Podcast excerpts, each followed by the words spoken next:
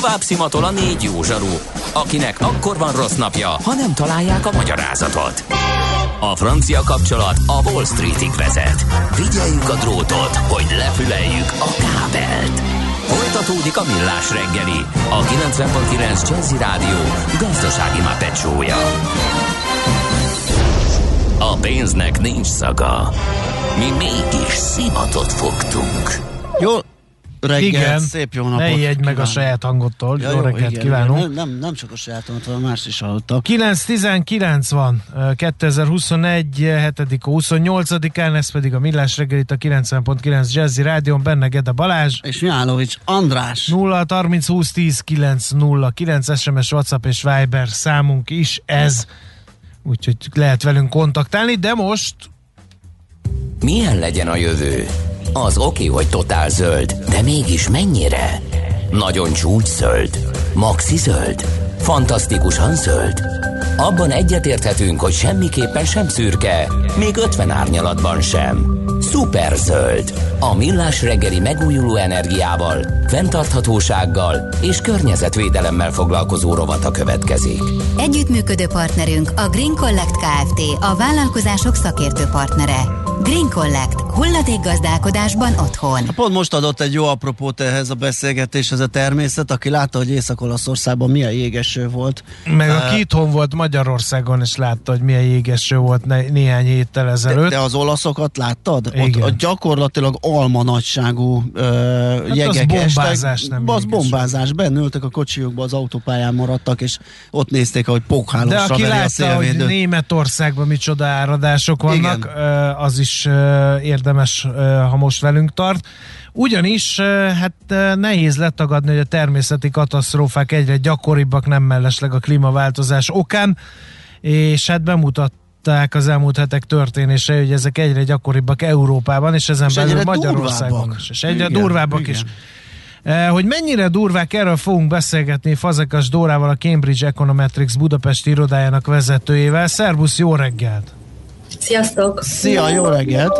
No, hát azért veled, mert hogy ti csináltatok egy adatelemzést, amivel láthatóvá tettétek, hogy melyek a legsúlyosabb érintett területek, sőt azt is ki lehet, eh, kiszámoltátok, hogy mekkorák a károk. Először beszéljünk a módszertanról, ezt, ezt hogyan sikerült ilyen biztosítói adatbázisokból, vagy, vagy hogy sikerült előállítani ezt az, az elemzést? Igen, ez egy, az Európai Uniónak van egy területi kutatásokkal foglalkozó szervezete, és az ő megbízásukból, az ő finanszírozásukból csináltuk ezt a kutatást. A módszertan pedig az volt, hogy négy természeti katasztrófát vettünk figyelembe, és, és a, a közvetett hatások, a közvetlen hatásokat biztosító társaságok adatbázisából határoztuk meg, a közvetett hatásokat pedig egy, egy úgynevezett input-output ö, táblázattal, amik a amik tulajdonképpen az egyes ágazatok növekedési hozzájárulásának a változását uh-huh. vettük figyelembe. Tehát, hogyha egy nagy esőzés miatt mondjuk leszakad egy híd, akkor ugye annak van egy közvetlen hatása, és közvetett, hogy mondjuk azon a hídon nem tudsz valamilyen terméket átvinni, uh-huh. és a, a kereskedelmi láncok is sérülnek. Akkor vágjunk is bele, összesítve mekkora károkat okoz. Ja, hogy milyen időtávra, az, az sem mindegy, mert minél hosszabb az időtáv, annál pontosabb talán, következtetéseket lehet levonni ebből, gondolom. Igen, mivel az adatok ugye nem a legfrissebbek még nem állnak rendelkezésre, mi a 95 és 2017 közötti időszakot vizsgáltuk, az Európai Unió egyes országait vizsgáltuk, és, és ezt néztük, hogy, hogy a, a már megvalósult, tehát valós természeti katasztrófáknak a hatása mennyi volt, és ezt próbáltuk számszerűsíteni mind a, a közvetlen, mind a közvetett gazdasági kárt, és így egy, egy több mint 15 milliárd eurónyi Ó. összeg jött ki. Ugye ez miután egy ilyen térképre helyezhető, azt is ki tudja mutatni, hogy hol vannak a leg, tehát Európában hol vannak a legkrízesebb pontok, ahol a legnagyobb károkat okozzák a természeti katasztrófák, gondolom én. Igen, mi a szárazságot, a szélviharokat, az áradásokat és a földrengéseket. Aha. vizsgáltuk. Észak-Magyarország szerepel a, a gazdasági károk károkat leginkább elszenvedő régiók között. Mi megye szinten, régiós szinten készítettük a vizsgálatot, uh-huh. mert ugye nem állnak meg ország határoknál ezek a, a természeti jelenségek, és, és nagyjából Románia, néhány cseh, lengyel régióval együtt ezek a leginkább érintett területek, illetve a, a második az körülbelül ilyen közép-kelet-európa, dél-kelet-európa, néhány kisebb olaszországi, írországi, nagy-britanniai terület az, ami még érintett. Ezek súlyosan érintett területek. Akkor menjünk végig a, a különböző csapásokon, ugye áradások, földrengések, szárasság és szélvihar, ezeknek a gazdasági hatásait mértétek. Azt gondolnám, kezdjük talán a szélviharral, hogy az a, az a tengermelléki országokba okozza a legnagyobb kárt, és nálunk talán nem annyira jellemző. Ez így van, a magyar területeket elsősorban a szárasság és az árvizek hozzák nehéz helyzetbe, és inkább a tengerparti hegyvidéki területeken fontos a, a szélviharokat megemlíteni, illetve a hegyek lábainál és a folyóvölgyekben megint csak az áradások, a folyóáradások okozzák a legnagyobb károkat. Uh-huh. A, a, abban különbözik talán a földrengés a másik három természeti katasztrófától, hogy, a, hogy ugye a földrengéseket a föld mélyében zajló folyamatok határozzák meg, tehát erre a számok is azt mutatták, hogy nincsen igazából nagyon nagy trendbeli változás, még a másik három környezeti esemény a felszín felett történik, uh-huh. és kimutatható, hogy a, a klímaváltozás okozta szélsőséges időjárás egyre inkább felerősíti ezeknek a hatását, és egyre gyakoribb gyakoribbá válnak. Uh-huh. A, egyébként az áradások, ez a, me, említette, hogy az észak-magyarországi régió benne került, be, vagy belekerült a természeti csapások által leginkább súly, sújtott európai régiók közé. Ez, ez elsősorban az áradásoknak köszönhető? Tehát, hogy ott a, ott a, a hegyi patakok, meg ott a, a folyók időnként, ha nagy, ára, nagy esőzés van, akkor mindent elsőprő folyamá duzzadnak? Vagy mi ennek az oka? Igen, igen, tehát mi vizsgáltuk egyrészt azt is, hogy ott konkrétan egy régiós eloszlást is, és hogy egyenként ezeknek a, a természeti katasztrófáknak mi a hatása, illetve összesítve, de igen, tehát az Észak-Magyarországi régióban főleg az áradások, amik a leg több kárt okozzák. Uh-huh. A másik, amiről említettél, és nagyon érdekes lehet, ez a szárasság ugye az asszály. Erről mindig beszélünk Magyarországon is már évtizedek óta, sőt vannak olyan e, tanulmányok is, amelyek azzal fenyegetnek, hogyha tovább folytatódik ez a klímaváltozás, akkor Magyarország egyes részei, e, elsősorban a Dunatisza köze elsivatagosodhat. Erre utaló jeleket találtatok? Igen, pontosan a, a szárazságnak ez a, ez a hátulütője, illetve még azzal volt az érdekes, hogy a szárazság azokon a területeken volt a legjellemzőbb, amik szegényebbek európai viszonylatban, a gazdaságuk nagyobb mértékben támaszkodik olyan tevékenységre, mint például a mezőgazdaság, élelmiszer, gyártóipar, amiket még inkább sújt a szárasság. Uh-huh. És ezért, ezért gazdasági, tehát a, a mi kutatásunknak ugye ez volt a célja, hogy ezt a a múltbeli adatok, meg események alapján mit tudunk a jövőre mondani, mit tudunk előrejelezni, hogyan lehet erre felkészülni, uh-huh. és ezért nagyon fontos ilyen régiós gazdaságpolitikai döntéseket lehet erre alapozni, uh-huh. hogy, hogy a legkitettebb területeknek milyen támogatásra lesz szüksége. Uh-huh.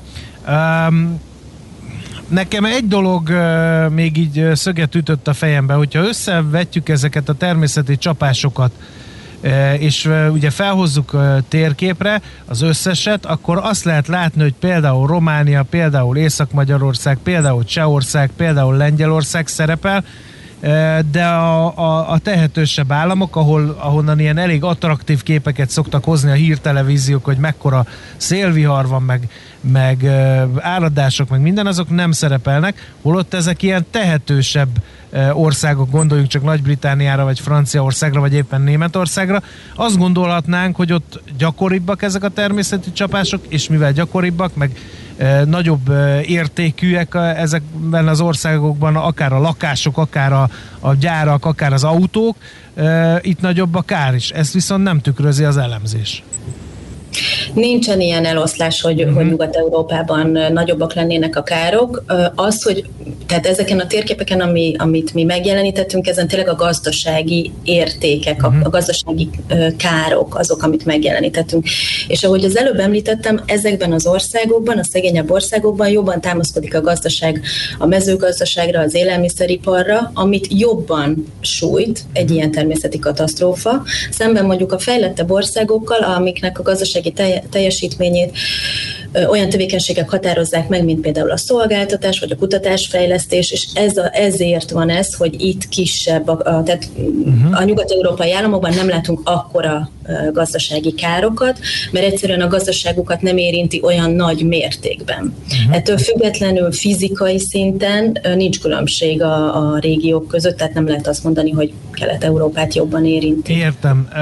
Egyébként javaslatokat megfogalmaztatok, vagy csak azzal, hogy ezt ilyen nagy idő intervallumra visszatekintve térképen ábrázoltatok, ilyen döntés előkészítő célja volt ennek, a, ennek az elemzésnek? Döntés előkészítő célja volt a, a, az elemzésnek, pont ezért volt nagyon fontos, hogy az egyes típusú katasztrófa típusoknak mind a földrajzi, mind a régiós eloszlását vizsgáljuk, és így ezek az, mind az Európai Unió egésze, meg az egyes tagországok is, vagy az, akár az egyes önkormányzatok, akik, akik látják, hogy az ő régiójuk, az ő ö, településük mondjuk érintett lesz, jobban fel tudnak készülni, olyan ö, fejlesztés irányokat tudnak meghatározni, amik segítenek segítenek majd az országoknak csökkenteni a, ezeknek a szélsőségesebbé váló természeti uh-huh. viszonyoknak való gazdasági kitettséget. Tehát én konkrétó ez abban segít, hogy ha mondjuk az észak-magyarországi megyéknek a döntéshozói látják azt, hogy 22 éve rendre elég komoly uh-huh. károkat okoz az áradás, akkor érdemes ezzel a problémával foglalkozni, és mondjuk olyan támogatásokat, vagy olyan programokat indítani, amelyek ezek, ezeknek az áradásoknak a hatásait mérséklik, ha megakadályozni nem is tudják. Pontosan, tehát az jött ki például nekünk, hogy a különböző természeti katasztrófákat összehasonlítva a folyók áradása okozza a legnagyobb kárt, uh-huh és ebben ugye szerepe van azoknak a villámárvizeknek, ami, ami most múlt héten is volt például Magyarországon, és, és akkor erre, erre fel tud készülni akár egy, uh-huh. nem mhm. tudom, gátépítéssel, de hogy fel lehet erre hmm. jobban készülni. Vagy itt van például ugye az asszály, a szárasság, ami így az Európa térképére nézve Spanyolországot és Romániát, Románián kívül talán minket érint a mhm. legjobban, akkor ideje lenne valami öntözési programot megvalósítani a mezőgazdaságban, hogy ne legyenek nagyok a kiesések.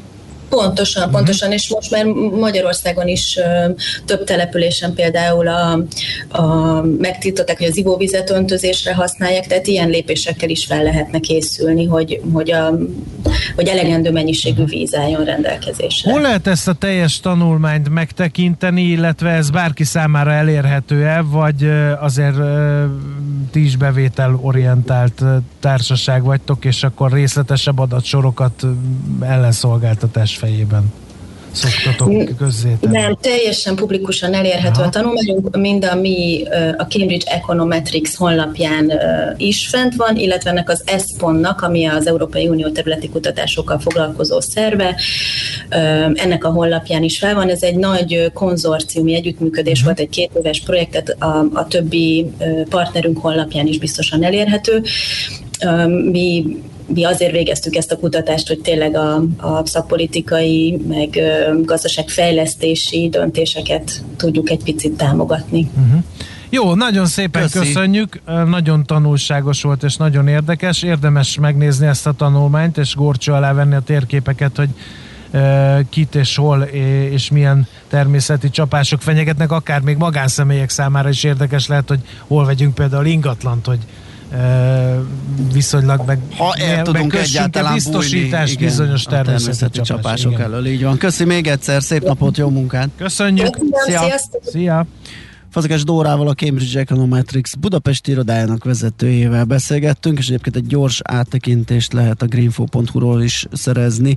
Ö, ott is fönt vannak ezek a térképek, ugye a négy nagy elemi kár ö, összesítője, hogy hogyan oszlik meg Európában. A Millás reggeli megújuló energiával, fenntarthatósággal és környezetvédelemmel foglalkozó rovata hangzott el. Szuper zöld, hogy a jövő ne szürke legyen, hanem zöld. Oké. Okay. Együttműködő partnerünk a Green Collect Kft. A vállalkozások szakértő partnere. Green Collect. gazdálkodásban otthon. Szoller Andi rövid hírei jönnek, aztán tőzsdenyítás, majd ingatlan rovat, amin belül egy olyan területről fogunk beszélni, amiről kevés szó esik, legalábbis mm, szerintem ugye a sajtóban is, meg nálunk is, a zárt kertekről, ugyanis a zárt kertek piaca is feljövőben van, úgyhogy ezügyben fogjuk majd Benedik Károlyt tárcsázni a Duna House-tól. Műsorunkban termék megjelenítést hallhattak. Üsdei és pénzügyi hírek a 90.9 jazz az Equilor befektetési ZRT szakértőjétől. Equilor, 30 éve a befektetések szakértője. Török Lajos vezető elemző van itt velünk telefonon. Szia, jó reggelt! Sziasztok, jó reggelt kívánok! Na mi újság? Megnyugodtak-e a kedélyek, vagy most épp az MNB után a Fedet várjuk, és azért van izgalom?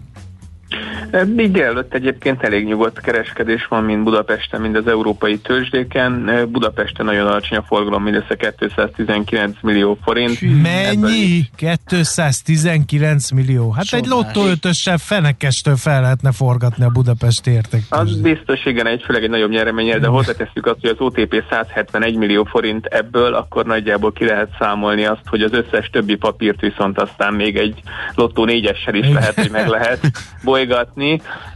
Ezen kívül még a molba van értelmezhető 22 millió forintos forgalom, mindenhol máshol ilyen pár millió maximum, de Richter is 6 uh-huh. millió, de Magyar Telekom 167 ezer forint, tehát lassan Jaj. Hú, hát az egy Totó 12-essel is. Igen, aki jól, jól tippelt a mai reggeli vízilabda meccsre, az lehet, Igen. hogy most mozgásokat tud indikálni. Egyébként 0,3%-os pluszban a Bux Index 47.143 ponton, az OTP enyhe emelkedésben 15.705 forinton, a MOL 0,6%-ot emelkedett 2352 forintra, a Richter 0,4%-ot emelkedve 7995 forinton, és minimális mínuszban 426 forinton a Telekom. Na hát a devizapiac. Hát igen, a devizapiacon azért egy pici, nagyon minimális eh, forint erősödés van, viszont a 359 forintos szintet nem nagyon tudjuk áttörni. Most 359 forintot és 20 fillért kell adni egy euróért, tehát idéglenes volt csak a megnyugtatása az MNB-nek, úgy tűnik, tehát nem tudtunk igazán erősödni, hiába okozott idézőjelben pozitív meglepetést az MNB, ugye azzal, hogy a elemzői konszenzusnál nagyobb mértékben emelt ugye sok elemző köztük mi is a 30 bázispontot várta, de azért látjuk azt, hogy ez, ez úgy tűnik, hogy ez se volt elég, pedig elég egyértelmű és világos üzeneteket fogalmaztak meg a kérdés-válaszokban is Világ Barnabás által a jegybanknál, és úgy tűnik, hogy ez se volt most elég ahhoz, hogy igazán nagy forint erősödés induljon el, egy dollárért egyébként 304 forintot és 11 fillért kell adni, még az euró-dollár keresztárfolyam 1 dollár és 18,09 cent, tehát azért azt látjuk, hogy nincsenek ilyen óriási mozgások a devizapiacon, és hogyha egyébként a tőzsdékre nézünk, úgy tűnik, hogy két napot egymesten azért esni nem tudunk, a DAX minimális mínuszban, a Eurostox 50 már pluszban, a francia tőzsde is 0,3%-kal emelkedik, az amerikai határidők pedig minimális ilyen 0,1-0,2%-os mínuszban, mondjuk azért az segít, segítik ugye a jó gyors jelentések, hmm. amelyeket tegnap közöltek. Hát nem ez Valamit ígérkezik. remélünk, valamit várunk. Vagy hát ez ilyen ergyal hát a fedet, van? holnapra ja, a fedet. A fedet nagyon várjuk, az Holnap? biztos.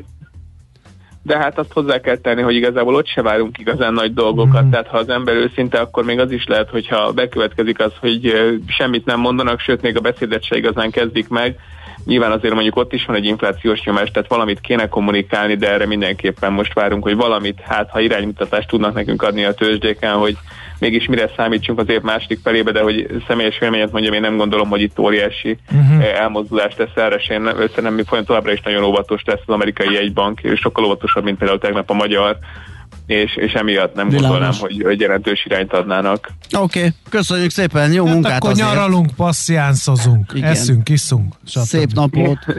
szia, szia. szia. Köszi. az olimpiát. Ja, meg ah, nézd, ja, hát ja, tényleg, tényleg. Micsoda vízilabda meccs volt. Oké, okay, hello. reggel még én is pont elkaptam. Sziasztok. Hello.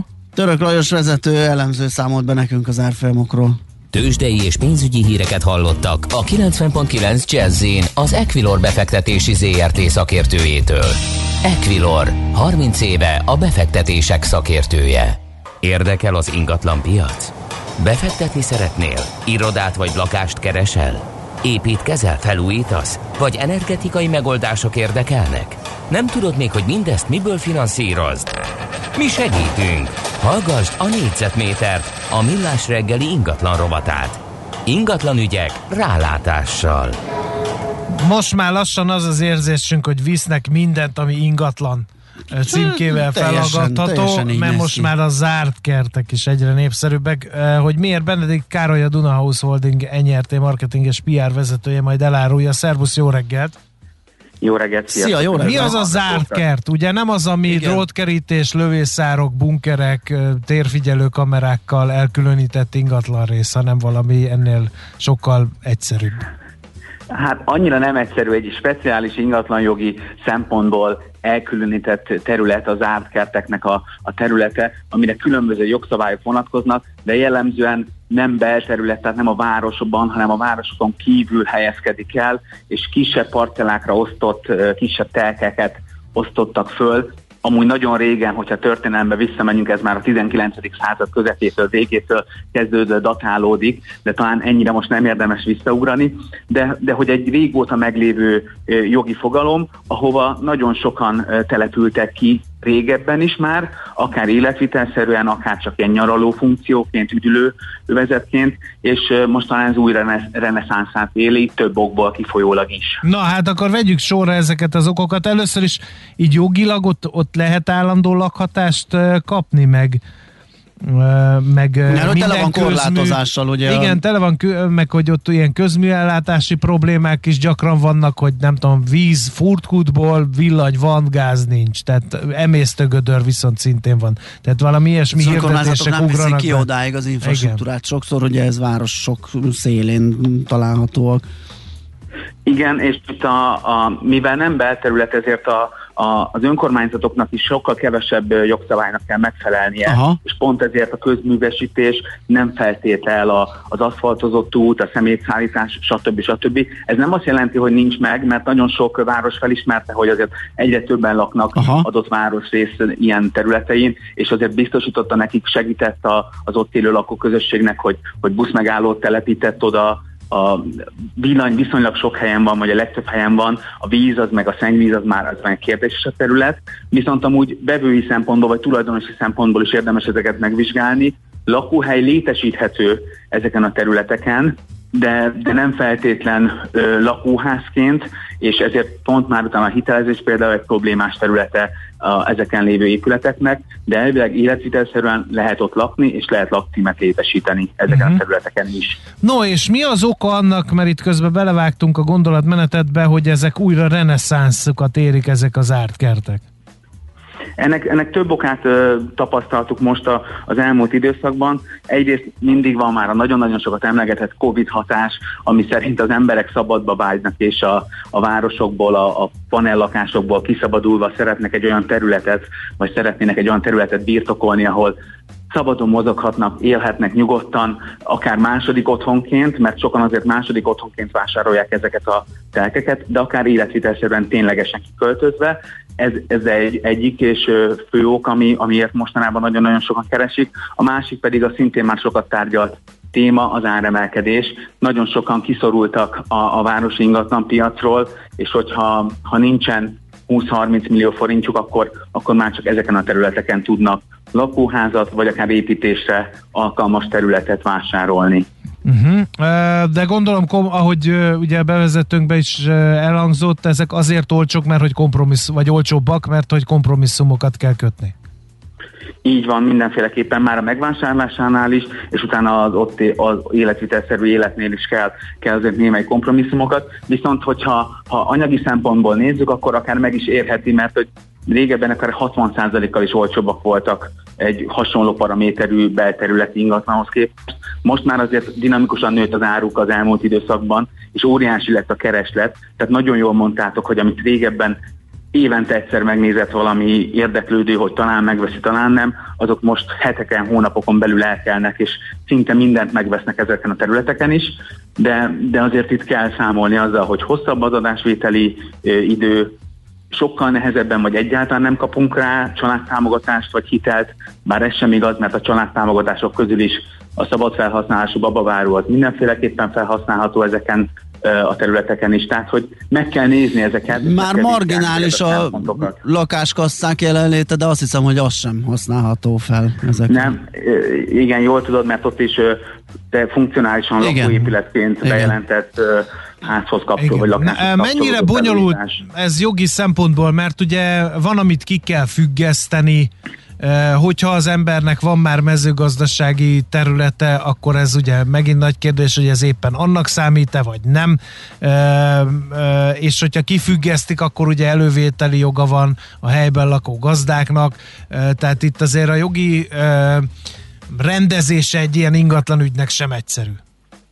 Valóban így van, és, és több, több ágazata, vagy több része van ennek hogyha ez mindenképpen mezőgazdasági területnek számít, amíg uh-huh. nem vonják be területté, és ott a, ezen belül is lehet művelés alól már kivont, vagy még művelésben tartott ö, szerkezet és telek, és mind a kettőre különböző jogszabályok vonatkoznak. Hogyha a művelés alól már ki van vonva, akkor igazából csak arra kell figyelni, hogy a leendő vevőnek ne legyen egy hektárnál több mezőgazdasági terület a birtokában, mert akkor már aranykalászos gazdának kell vagy végzettsége kell, hogy legyen, hogy ennél több földterületet birtokoljon.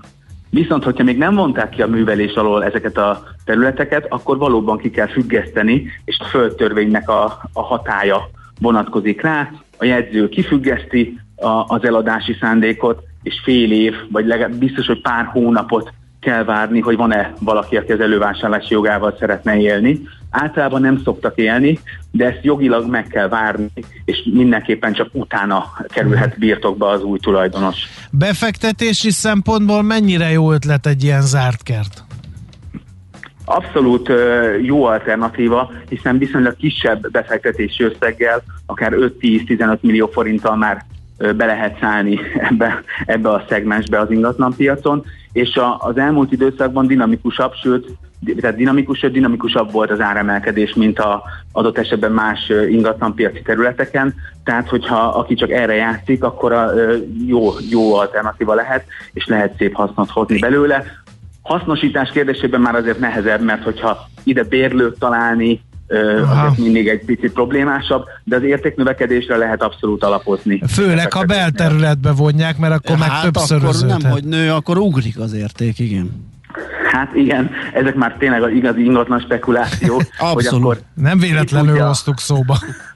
ki tudja az önkormányzatoknak a, a tervét és, és lehetőségeit, hogy, hogy mikor egyre kevesebb területeket vonnak be területté, tehát hogy ezek az elmúlt években egy négy-öt éve ezek nagyjából letisztázódtak ezek a viszonyok. Uh-huh. Természetesen, hogyha nagyon sokan költöznek oda, és valamilyen bár, bármi más okból még lehet ez belterület, ott, ott lehet aztán tényleg igazán szép hozamot elérni egy ilyen befektetés. Ráadásul még egy nagyon fontos dolog van, hogy építési korlátozás is van uh, sok helyen, mert ugye megvan, hogyha, hogyha ez nem belterület, hanem mezőgazdasági terület, akkor annak azt hiszem 10%-át lehet csak beépíteni, meg, meg ott a mhm. magas épület magassága is az épület minősítése is. Ez ugye... helyi, ez önkormányzati szabályozás alá esik, vagy építési törvény? Ha jól tudom, ebben már én is bizonytalan vagyok, mert ez tényleg nagyon speciális szabály. Ilyen 3%-os beépíthetőség. Aha, 3 százalék. Ha, ha nincsen speciális szabály, Aha.